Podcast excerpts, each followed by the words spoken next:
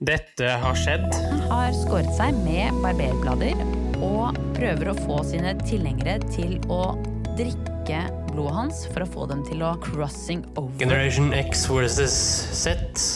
Sandberg Productions presenterer Den ekte samtalen om og med generasjon X og Z. Hold deg fast og nyt. Hei, hei, kjære lytter, og hjertelig velkommen til dagens episode av Generation X versus Z. Og i dag så har jeg tatt på meg et veldig symbolsk plagg som er matchende med temaet for dagens episode. Tenker du på pysjamasbuksa, eller? Nei, du kan jo se meg, kjære ungene. Ja. Men for de som ikke ser meg, Ja.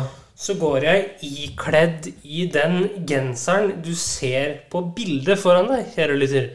Og det er jo da en eh, collegejakke, som man kaller det.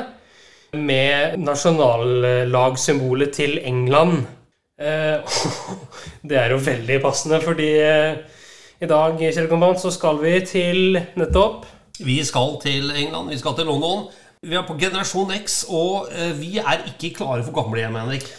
Nei. Og langt derifra. Langt derifra. Ja, må vel vente 30 år til. Her. Ja, minimum. Og så vet vi at pensjonister de har en ekstrem aktivitetsliste foran seg.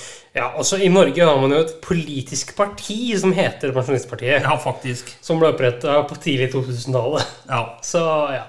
Så Vi er der. Vi er der. Men eh, det å ha en god pensjonisttilværelse betyr jo selvfølgelig at man har en god helse, og at man har det godt med seg selv. Eh, det er de to hovedpoengene. Så vi forutsetter at man eh, da har eh, helsen i behold, og at eh, både fysisk og mentalt.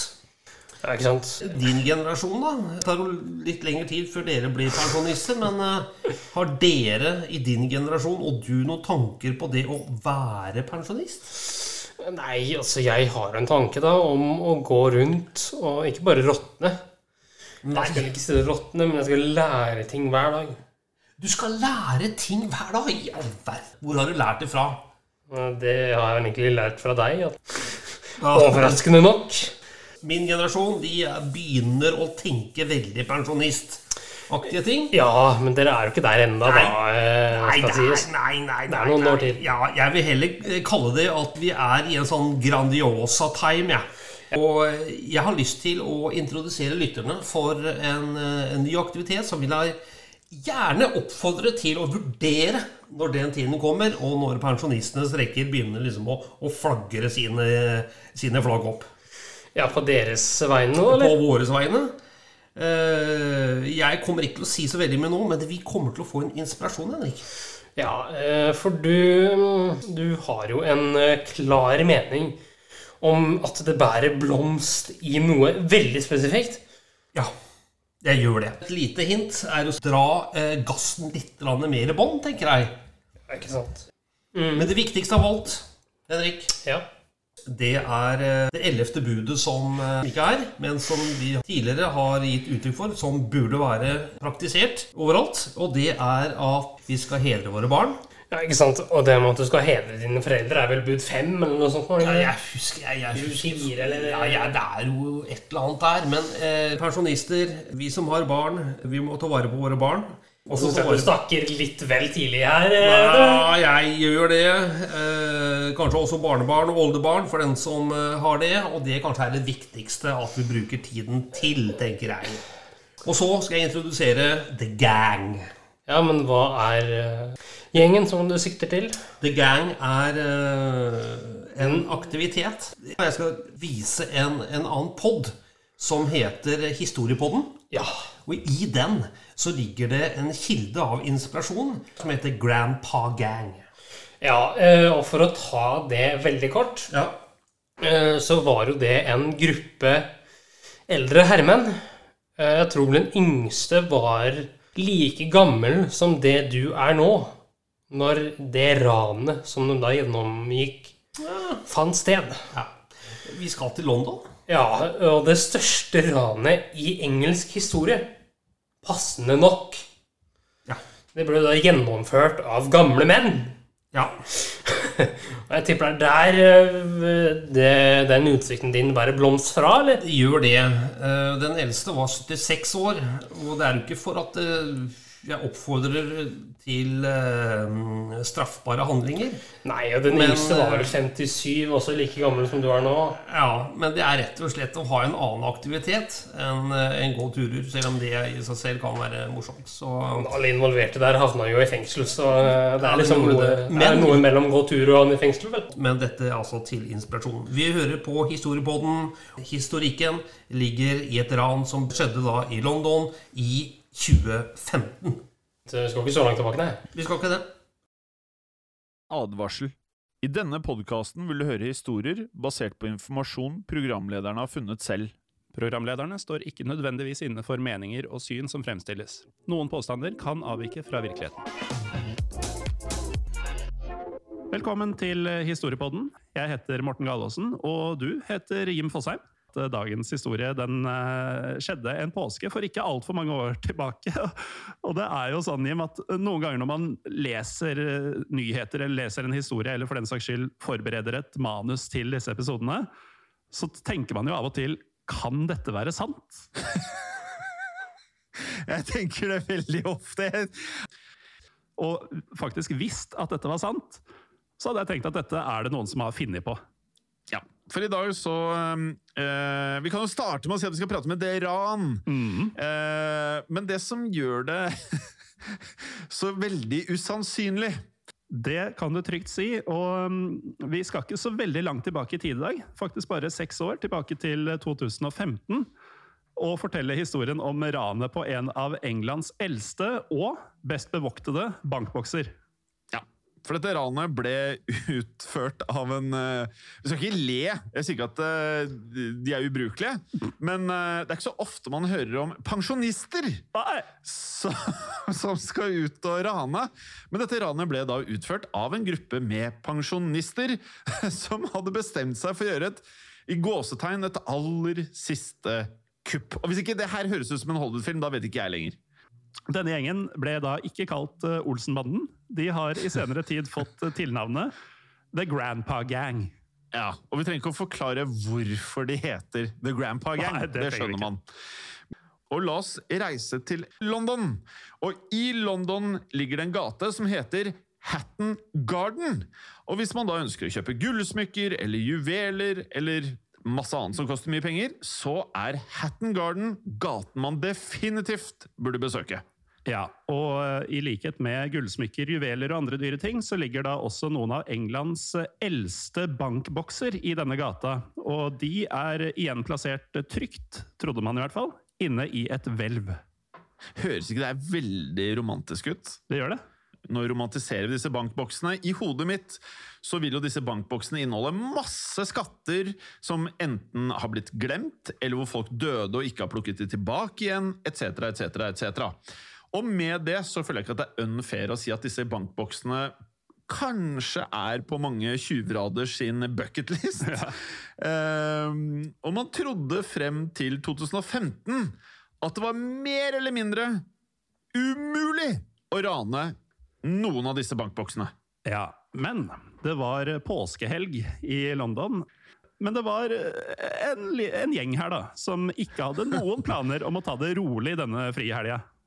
Nei, de, de her var ikke gira på å ta det rolig, for uh, The Grandpa Gang hadde i over tre år Altså Disse pensjonistene hadde i over tre år planlagt det som skulle bli uh, deres aller siste ran. Et ran som skulle sikre at de alle sammen hadde en mer enn behagelig pensjonisttilværelse.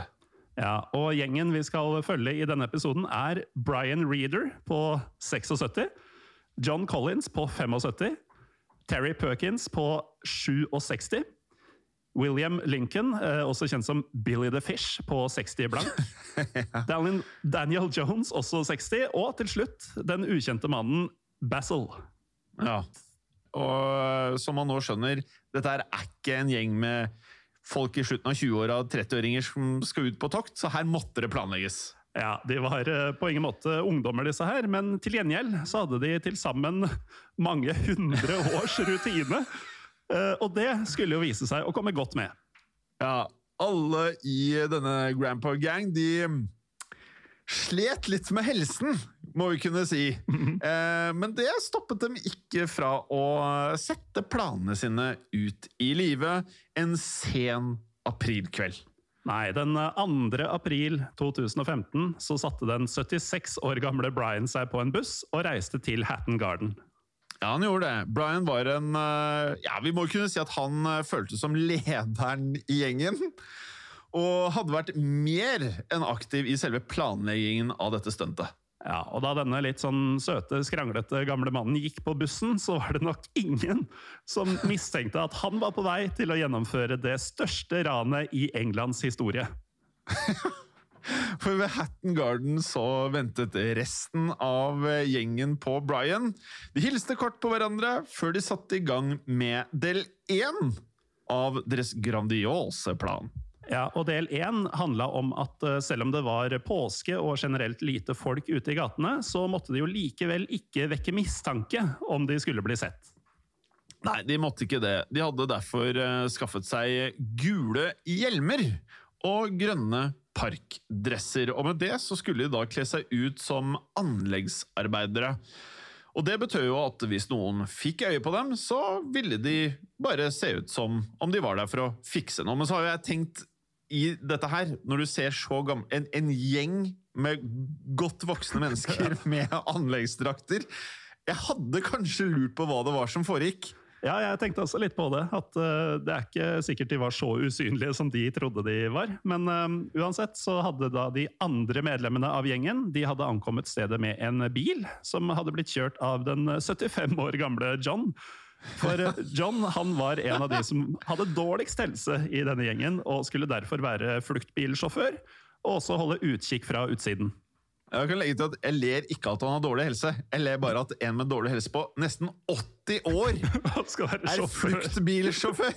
ja, det er ganske absurde greier her. Så da de planla dette ranet, så hadde de studert eh, plantegningene av bygninga nøye. Og De visste da at disse skattene som de var ute etter, var bevoktet av en massiv betongvegg, og de trengte derfor en hel del utstyr for å få til dette. Ja, og De hadde jo lenge diskutert hvordan de best mulig kunne få med seg alt dette utstyret uten å vekke noe særlig mistanke. Ja, og Løsninga på dette problemet hadde de fått fra filmen Oceans Eleven. Sånn apropos elleville ransplaner, liksom.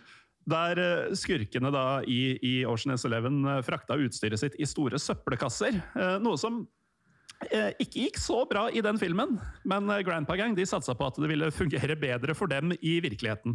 Ja. I bilen hadde de tre store søppelsekker med hjul, som alle var fylt opp av utstyr. Og um, etter at de da hadde tatt på seg forkledningen, så rullet de søppelkassene ut av bagasjerommet og plasserte dem foran inngangen til Hatton Garden. Og hva som skjedde i løpet av dette ranet, det er godt dokumentert. Men det finnes likevel noen detaljer som vi ikke har helt oversikt over, Jim. Nei. De aller fleste av disse detaljene er jo da knyttet til uh, vår mystiske Basil. Ja. Basil. Ja, og det kan, det kan, virke som om Basil var eh, mesterhjernen bak denne planen, og at uh, han holdt korta sine tett til brystet, men uh, det kommer vi tilbake til litt senere. Ja, Vi vet jo at han likte Oceans Eleven, da, det vet vi om. Ja. Men vi vet ikke hvordan Basil klarte å skaffe et nøkkelkort til bankboksbygningen. Dette her er skikkelig James Bond. Ja, ja. Uh, men han hadde da altså klart det. Ja, og De andre hadde fått beskjed om at Basil allerede ville være på stedet når de ankom. Ja, Basil eh, holdt også det han lovet, og da de andre sto klare utenfor, eh, så hadde han allerede kommet seg på innsiden, han Basil. Ja, så Basil han åpna dermed inngangsporten for de andre, og de trilla så inn disse søppelkassene med utstyret sitt. Og det vi selvfølgelig ikke vet her, er om noen faktisk fikk øye på banden. Men eh, hvis noen la merke til dem, så må det ha sett ut som om noen mer eller mindre anleggsarbeidere var i ferd med å ta ut søpla. da. Ja. Godt voksne anleggsarbeidere. Godt voksne. Men uansett så hadde da første del av planen gått som en drøm. De var alle sammen kommet seg inn og hadde ikke blitt konfrontert av noen. Nei, dette var likevel den eh, enkleste delen av planen. Litt overraskende, selvfølgelig. Mm. For eh, det var etter dette at eh, prøvelsene for eh, denne velsmurte banden begynte å oppstå. Ja, for hele bygninga var jo selvfølgelig full av både kameraer og alarmer. Og de visste at alarmene var tilknytta en alarmsentral, som da ville rykke ut hvis noen av alarmene gikk av. Men dette hadde jo vår eh, godt voksne gjeng eh, funnet en eh, god løsning på i planleggingen sin. Ja, det var ikke noe amatører, dette her. De, det, det første de måtte gjøre, var å komme seg ned til kontrollpanelet i bygninga for å deaktivere alle disse alarmene og overvåkningskameraene. Noe som var lettere sagt enn gjort. Ja, Å komme seg inn i panelrommet uten at alarmen gikk av, ville være mer eller mindre umulig. Så de måtte derfor komme seg inn i dette rommet på en eller annen måte. Ja, og Planen var å komme seg dit via heissjakta i bygninga. Og helt nederst i heissjakten fantes det en liten luke, som da førte videre til panelrommet. Så de gikk inn i heisen og trykka deretter på stoppknappen. Ja, og Heisen hadde da en luke på oversiden. og Dette her, dette her har jeg sett i så mange actionfilmer. Utrolig mange filmer. Altså, De gutta her har basically bare sett masse film. ja. og når de da åpnet denne luken på ovensiden av heisen, så måtte de åpne og klatre gjennom luken. Og da de så hadde kommet seg på utsiden av heisen, så måtte de fire seg ned til bunnen av heissjakta, der denne lufteluka befant seg. Og til tross for alderen deres klarte da samtlige av banden å fire seg ned, før de da krabbet gjennom luken. Ja. Men uh, denne luka som de skulle gjennom, den var veldig trang. Og flere av de mer uh, hva skal vi si, tettbygde ranerne de, eh, de, de sleit med å få pressa seg gjennom denne luka. Men uh, til slutt så klarte likevel samtlige også her å komme seg fram til målet. Eh, Da de var vel framme, så lokaliserte Basil eh, straks ledningene som var koblet til de ulike varslingsanleggene inne i bygningen. Han visste også hvor disse befant seg, men fikk seg likevel en eh, overraskelse her. Ja, for Basil han hadde funnet ut at han måtte kutte over alle ledningene som førte til de ulike alarmene.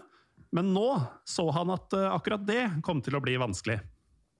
For det var nemlig hundrevis av forskjellige ledninger som var mer eller mindre klusset sammen. altså Det var et jævla rot, da. uh, og hvilken av disse ledningene som førte til hva, føltes mer eller mindre umulig for han å vite.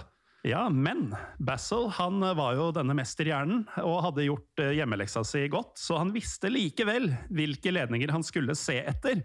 Eh, han satte i gang, men eh, etter hva vi forsto, så begynte stresset å, å komme innpå Basil her, og tok mer eller mindre overhånd til slutt. Og i alt kaoset så klarte Basil å glemme en av de sentrale ledningene, og dermed fantes det fremdeles én alarm som var aktiv i bygningen. Men det visste jo verken Basil eller ranerne, så de fortsatte med planen som, eh, som før. Men siden det, de fleste alarmene var deaktivert, så kunne de komme seg ned til hvelvet i bygningen uten noe videre problemer. De trengte heller ikke å være redde for kameraene. Men utstyret de hadde med seg, det var tungt, så forflytninga den var jo krevende. Og altså, dette er gamle menn med tungt utstyr, som likevel bevegde seg relativt raskt. Og etter bare noen minutter så hadde de kommet seg ned til kjelleren. Og den eneste alarmen som da ikke hadde blitt deaktivert, befant seg nettopp der. Og den gikk jo selvfølgelig av, den. Det gjorde den, og den alarmen var jo da tilknytta et sikkerhetsselskap. Og én sikkerhetsvakt fikk da beskjed om å dra til Hatton Garden for å undersøke saken. Og dette kunne jo ha blitt skjebnesvangert for bestefargjengen. John, han hadde sovnet i fluktbilen! Eh, John hadde da tatt seg en, en høneblund, og fikk derfor ikke med seg at en eh, sikkerhetsvakt dukka opp utenfor bygninga.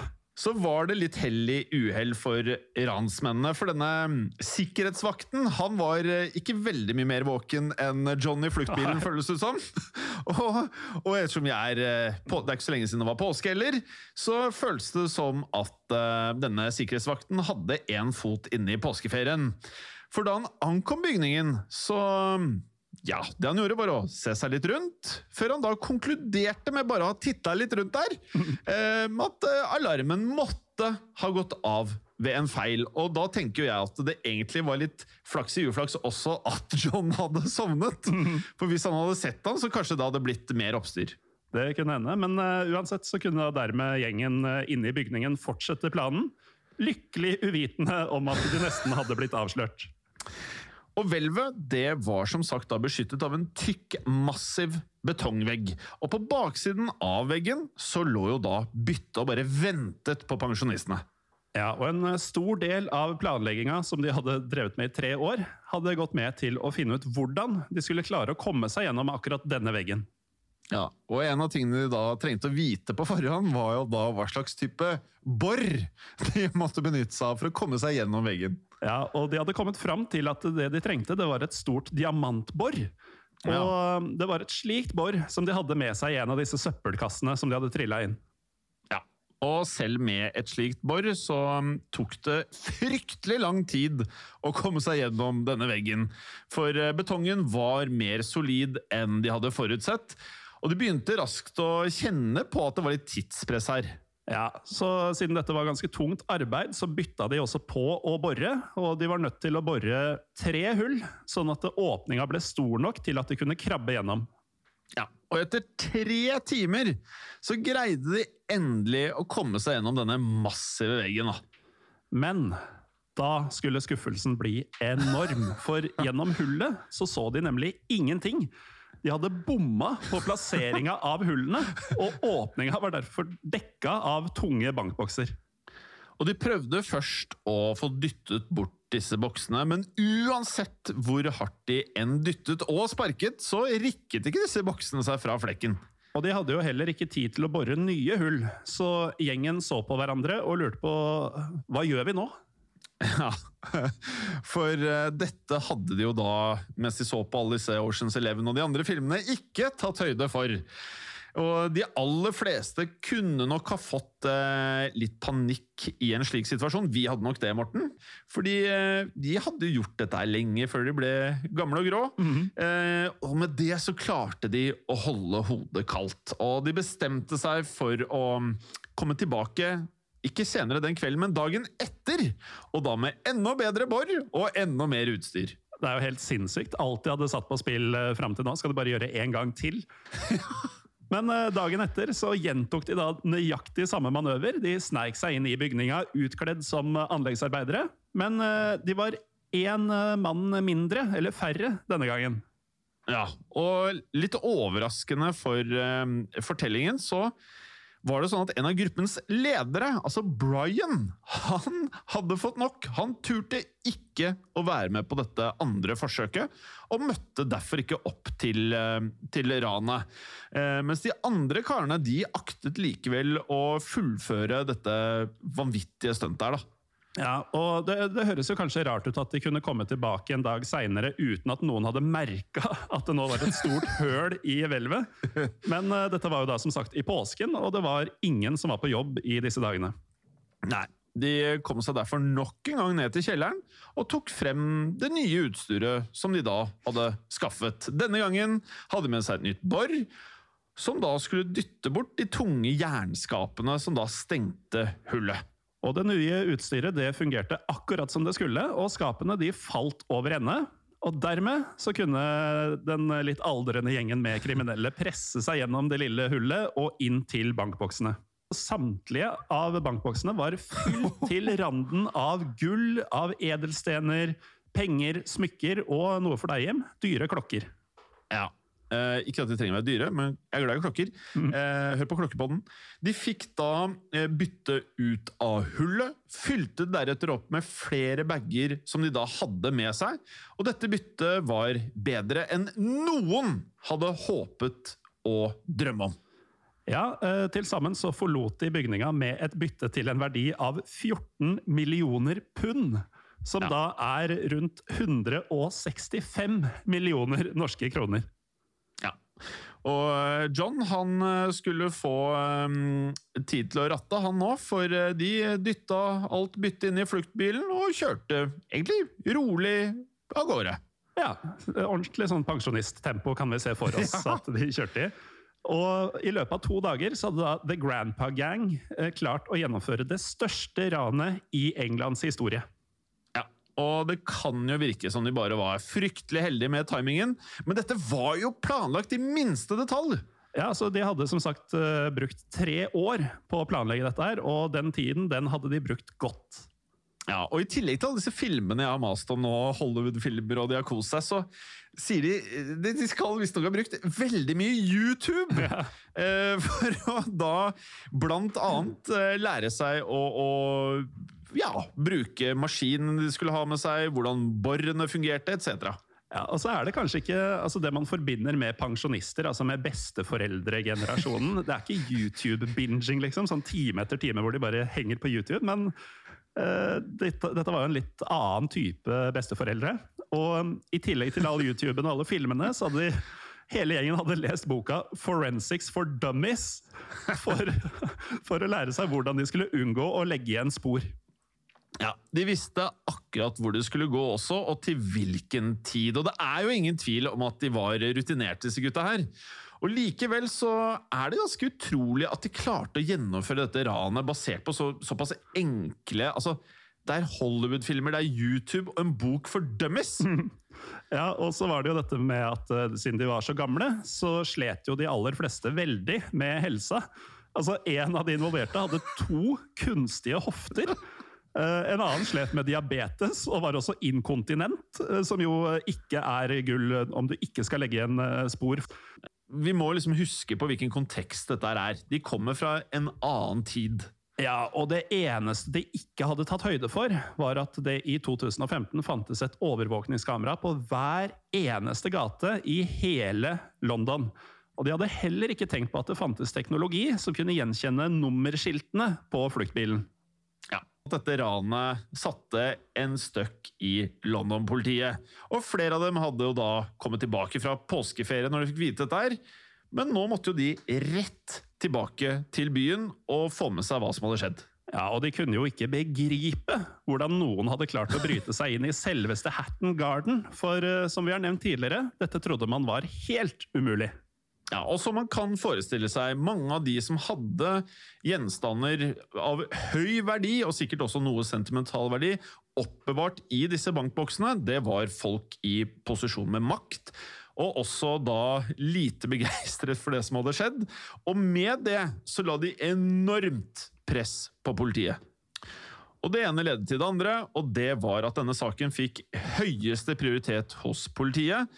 Og med det så ble en av Englands aller beste teknikere kalt inn til tjeneste.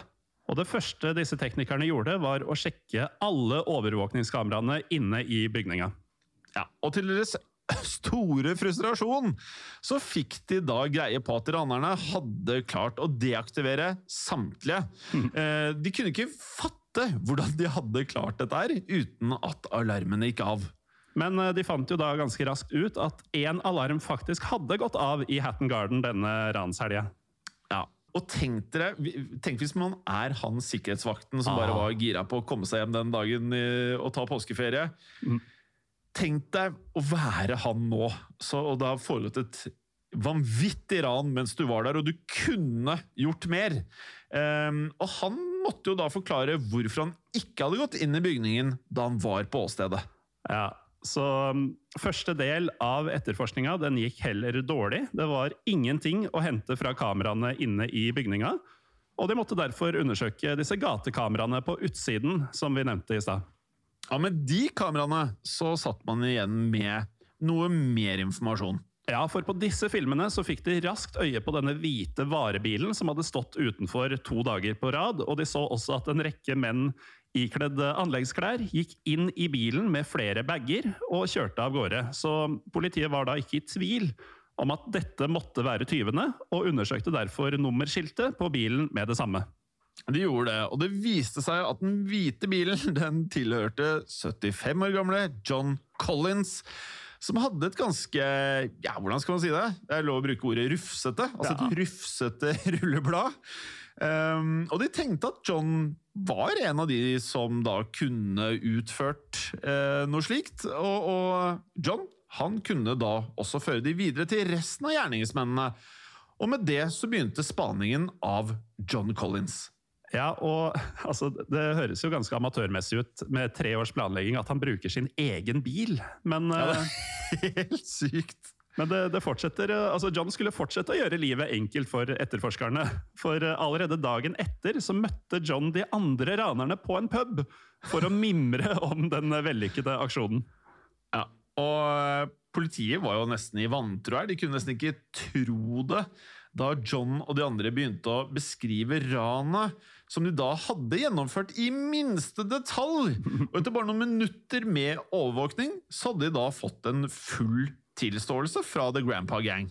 Ja, for de eh, eldre mennene de var tydeligvis så fornøyde med seg selv og hva de hadde fått til, at de satt på denne puben og snakka høyt om ranet uten eh, å tenke på at noen kunne overhøre det. Og det som er vanvittig her, er jo at det, Tenk å gjøre dette her etter å ha gjennomført det største ranet i Englands historie!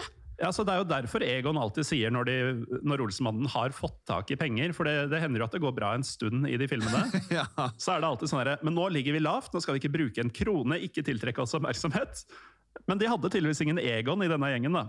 Men uh, til tross for at de, politiet fikk fullstendig klart bilde over hva som hadde skjedd gjennom denne pubpraten, så valgte politiet ikke å gripe inn med det samme, for de ville ha så mye informasjon som mulig før de arresterte gjerningsmennene. Og dessuten så ønska de jo selvfølgelig å vite hvor tyvegodset befant seg. Og å finne tyvegodset ble derfor ansett som det aller viktigste, til og med viktigere enn å um, anholde de skyldige. Og um, Vi kan jo da også si at eh, samtidig som politiet spanet The Grandpa Gang, så spredte da denne nyheten om ranet seg til større deler av befolkningen i England. Ja, og Naturlig nok så fikk jo saken bred dekning i alle medier, også utenfor Storbritannia. Avisene spekulerte i hvem disse gjerningsmennene kunne være, og hvordan det var mulig å komme seg inn i en av Londons best sikrede bygninger. Men dekninga av akkurat denne nyheten den skilte seg ganske radikalt fra lignende saker, for det er jo tung kriminalitet, dette her. Fordi eh, sympatien fra folket og media den lå faktisk ikke hos politiet, men hos ranerne. Det er litt sånn Bonnie and Clyde. Man eh, sider med, med de kriminelle noen ganger. da. Ehm, de menneskene som da hadde blitt frastjålet verdisakene i ranet, var, eh, som vi da nevnte, uh, folk med status og makt. Men vi har kanskje ikke sagt bare altså De var jo da blant de aller rikeste i England. Eh, og med det også, så var det jo sånn at befolkningen da ikke syntes spesielt synd på disse her. Nei, altså, av, Avisene de beskrev ranerne som en gjeng med eh, Robin Hoods, altså flere, ja. flere Robin Hooder. eh, som hadde da tatt fra de rike og gitt til de fattige. Selv om da i dette tilfellet så var da de fattige rett og slett eh, dem selv. Ja. Og Hver eneste dag så overvåket de tyvene, og etter seks uker så fikk de endelig det de var ute etter.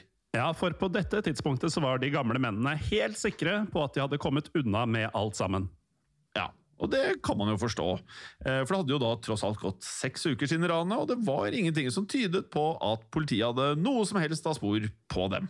Så ranerne de hadde venta med å fordele byttet, men på dette tidspunktet så følte de altså at det var trygt. Grandpa Gang de eh, skulle møtes på en parkeringsplass, riktignok en perifer parkeringsplass, for å da fordele verdisakene på parkeringsplassen. Ja, og de møttes som planlagt, eh, og da slo politiet til.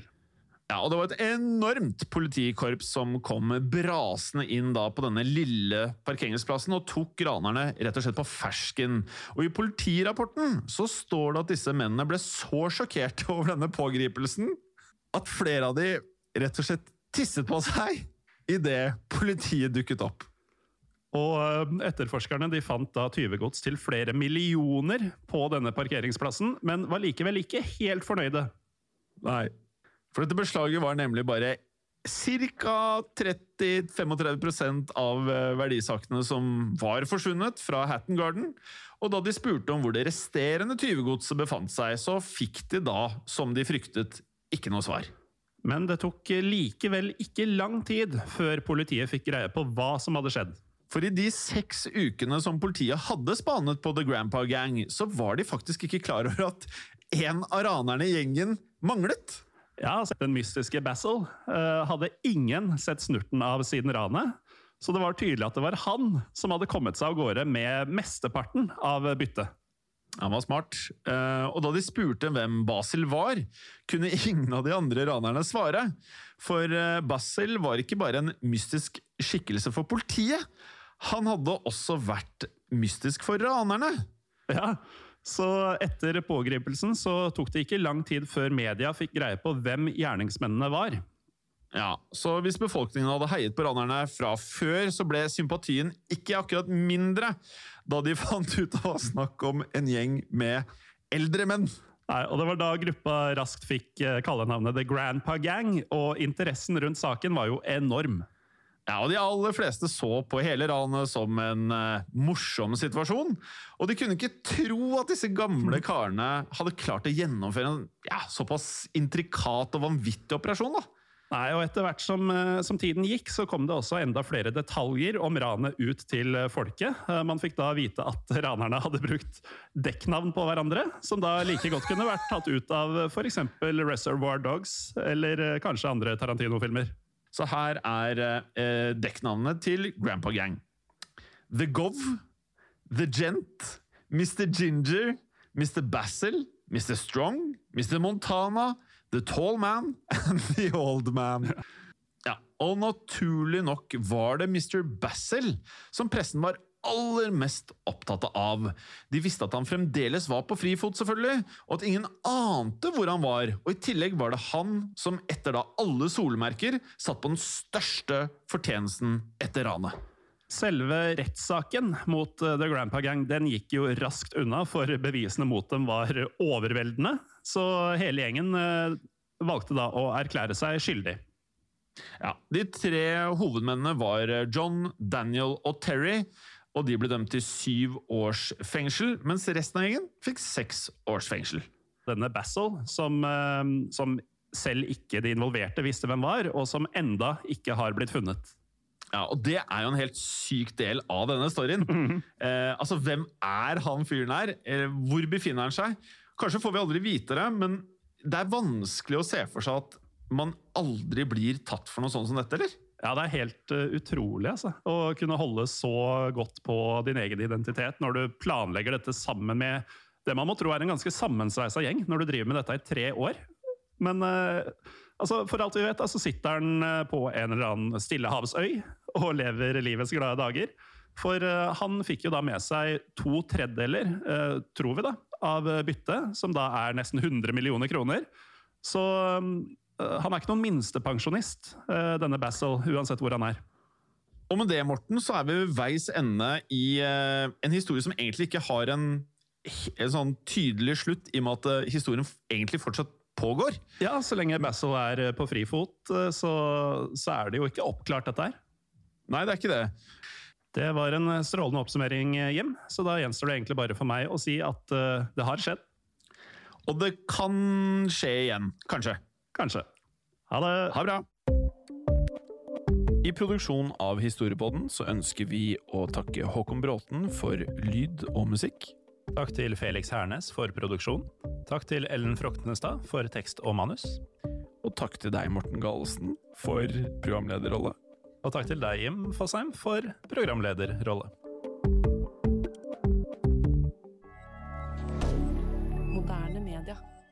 Det var The Grandpa Gang, ja. Og hva tenker du faren din skal drive med når han går av med pensjon? Nei, altså du har jo sagt det til meg et par ganger hva du vil drive med. Ja, jeg har det. Det viktigste for meg, det er selvfølgelig barn. Altså deg? Ja, men uh, du har også sagt at du vil bedrive sivil ulydighet. Jeg har vel i utgangspunktet gjort det, Henrik. Uh, jeg ble jo litt inspirert av uh, The Gang her. Og jeg tenker at pensjonistene, de skal Så fremst man er da frisk, både mentalt og, og fysisk, så, så er gamlehjem ute. Jeg har tenkt litt mer på The Gang, Henrik. Ja, det du vil gjøre? ikke sant? Ja, jeg har lyst til å enten å, å starte opp eller være med på en gang. Og eh, jeg har satt opp sånn fem sånne punktlister som er liksom verdigrunnlaget for hele smæla her. Mm. Det ene er hjelpsomhet. Det høres jo veldig kjedelig ut. Men Ja, det høres litt kjedelig ut, ja. Ja, men det er ikke gærent, det, skjønner du. Og så er det positivitet. Må jo ha litt positiv Altså, det må ikke grave seg ned i dritten, men rett og slett ha det veldig moro.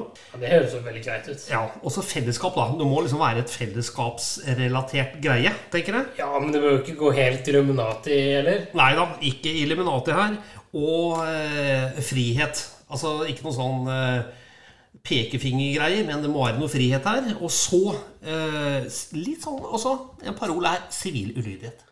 Ja, men eh, Jeg tenker det.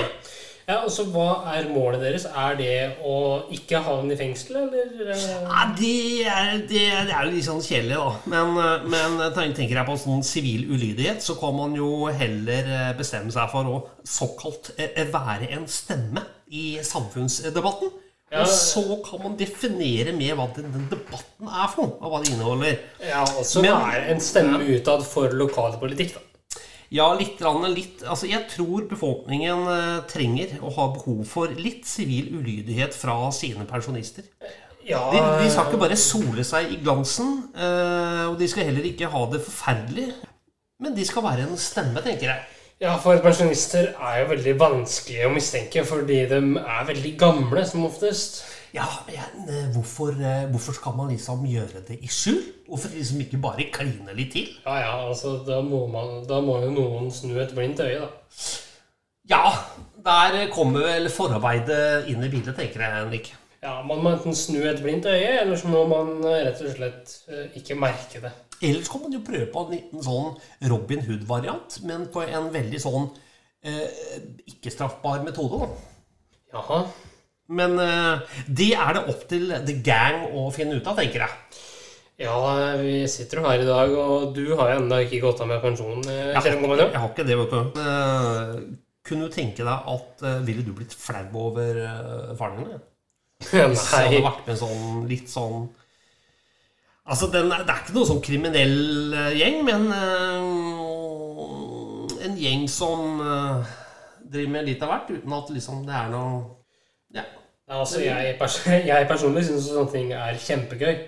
ja du gjorde det? Så, ja, jeg eh, hadde ikke blitt flau, jeg hadde egentlig blitt ganske fornøyd. Ah, Eh, hvis du og noen andre hadde gjort det der. Eh, jeg hadde også gladelig dokumentert ja. at dere hadde gjort det. Jeg kan bare nevne i fleng Henrik, folk som jeg har på lista, som kunne kanskje være potensielle medlemmer. Ja, og så har vi kanskje noen lyttere også. Ja. Eh, gi gjerne lyd fra deg hvis du vil eh, være et potensielt medlem i min fars gjeng her. Gjerne det. Jeg oppfordrer herved eh, Vidis, Jan Vincent, Olle, Ja, og, Jon Erik, ok. Trond Jeg tror jeg stopper der, jeg. Og alle de er lyttere, eller? Alle disse er lyttere, og eh, vi får se hva vi kommer opp med når den tiden florerer. Ja, og jeg da, vil jo høre fra dere, da. Det, dere som ble nevnt her nå. Hva dere mener om det her, Ja. spesifikt. Eh, selvfølgelig også andre lyttere er hjertelig velkommen til å si sine meninger. Eh, det kan man gjøre på følgende måter, kjære kompetent. ja. Kjør på. Det kan man gjøre ved å eh, kommentere på Facebook, eh, eller sende en melding til oss på Facebook. Der heter vi Generation X versus Z, eh, eller skrive en e-post til Generation X versus Z, eh, alfagrell Så bra. Og som vi var inne på eh, forrige uke med Are Kalve slash Richard Ramirez, eh, så skal det ikke bli sånn, men det skal bli noe imellom det å være snill og mild, kanskje? eller? Ja. Ja. Ja. ja. ja. Man skal være stil, mild, men eh, kanskje være litt tydelig òg. Og kanskje være litt ulydig også. Ja, altså, Du ga meg et veldig spesifikt scenario. Gjorde jeg det? Ja, For en tid tilbake så ga du meg et veldig spesifikt scenario på hva du Hva, hva sa jeg da? Eh, Nei, da Da sa du et eller annet med at du ville åpne et ventilasjonsanlegg. Eller noe sånt noe. Ja, jeg, ja. Nå man må jo gjøre litt, litt sprelle ting. Men uten at det skal gå ut over så veldig, veldig mange andre mennesker, tenker jeg. Ja, men Hvis eh, du sa det med lokalpolitikere og sånn, Å ja. spesifikt Å ja. Lokalpolitikere. Enten så er de eh, de, de kommer til å høre fra The Gang. altså. Ja, ikke sant? Ja. De kommer til å merke The Gang på forhåpentligvis er da en, en positiv måte. Og jeg bare gleder meg. Det gjør jeg og gutten min. Har du noe humorspolt i dag? Yes!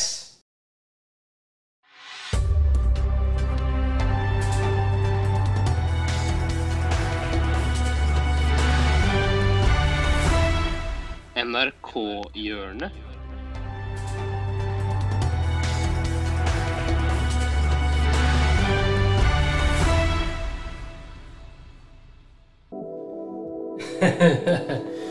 Ja da. Vi har humor i dag, vet du. Ja, hva har du å tilby? I dag så er det duket for NRK Best Of. Ja. Og ikke uten grunn at jeg tok med den eh, i dag.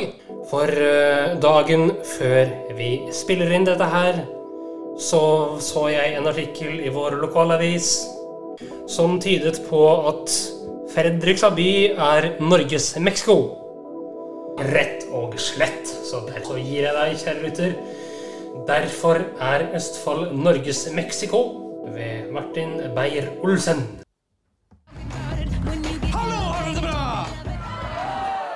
Folkens, nå er sommeren over. Nå er det liksom tilbake til jobb. Nå skal vi stri litt. Nå, nå er det lenge til jul. Altså, det er ikke så lenge til jul, men det skal bli godt med litt ferie. Men det har vært bra nå. altså. Nå er det bra, bra i sommer. Jævlig bra i sommer. Jeg har kosa meg så mye i sommer. Det har vært så varmt i sommer. Jeg satt ute hele dagen på terrassen og sa det. Jeg var så varmt. Jeg satt ute, det har lett ut bare T-skjorte. Det var så koselig. Satt oppe hos Wenche, og vi kosa oss med noe glass med rødvin. Det var så deilig oppe hos Wenche. Det var så koselig oppe hos Wenche. Det er så koselig. Nå er det ikke noe bra med Ovenka. Altså, nå er det ikke så bra med Ovenka lenger. Nå er ikke i samme formene som hun brukte å være. Det er så koselig oppe hos Ovenka. Hun har pynta så fint på terrassen med syrinene. Du ser utover fjorden. Det er så koselig. Nå er det ikke noe bra med Ovenka. Altså, nå er det Ragnar gikk jo bort fra henne i går. Vet du. Det var ikke bra altså, med henne. Men det er så koselig oppe hos Ovenka. Jeg beklager, men jeg har vært hjemme i Østfold i én time. Og da blir det sånn, da. Da blir det sånn, da. Herregud. Og da, jeg, uansett hvor jeg går, så må jeg liksom si helle. Så helle. Det er jævlig slitsomt. Altså, Jeg skulle ha med en kompis hit i dag, men det heldigvis så gjorde jeg ikke det, for han er ikke bare fra Østfold. Han er også muslim, og det er slitsomt, det. Han bare! Helle! Helle!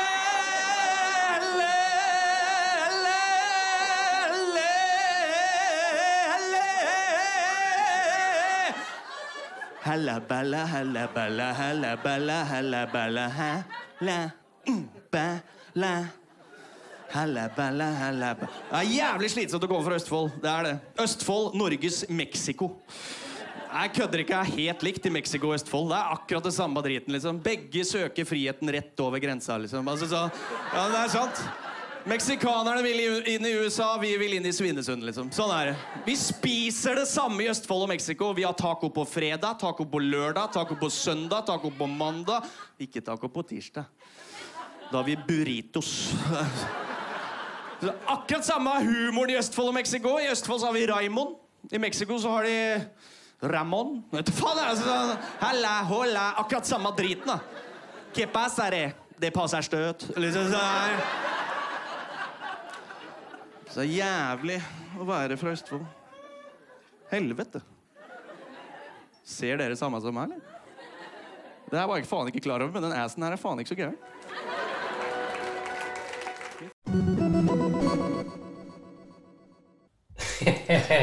Ja da. Eh, vi har hørt den før, men den er eh, Den er knakende god. ja, typisk østfoldsk, eller? Ja, den spiller jo veldig på den eh, ikke bare stereotypen, men også det som faktisk er her i fylket. Ja da. Du har- Eh, Så ja. Men det er jo en fyr fra landsbygda i Østfold, da. Så Ja, det, det må sies, og det må kanskje for- forsvares i en annen form når man hører den. ja, det er vel ikke så mye å forsvare, er det det? Nei, jeg vet ikke.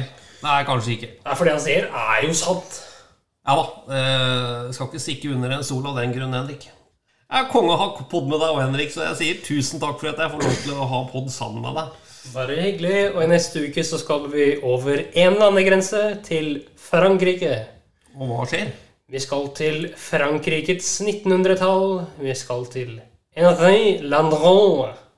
Ok. Ja, det blir spennende. Det var en svindler, det var en morder, uten å si for mye. Ok. Han var klin gæren, rett og slett. Ja, ok. Da sier jeg tusen takk for nå, gutten min. Takk For nå. Takk for nå.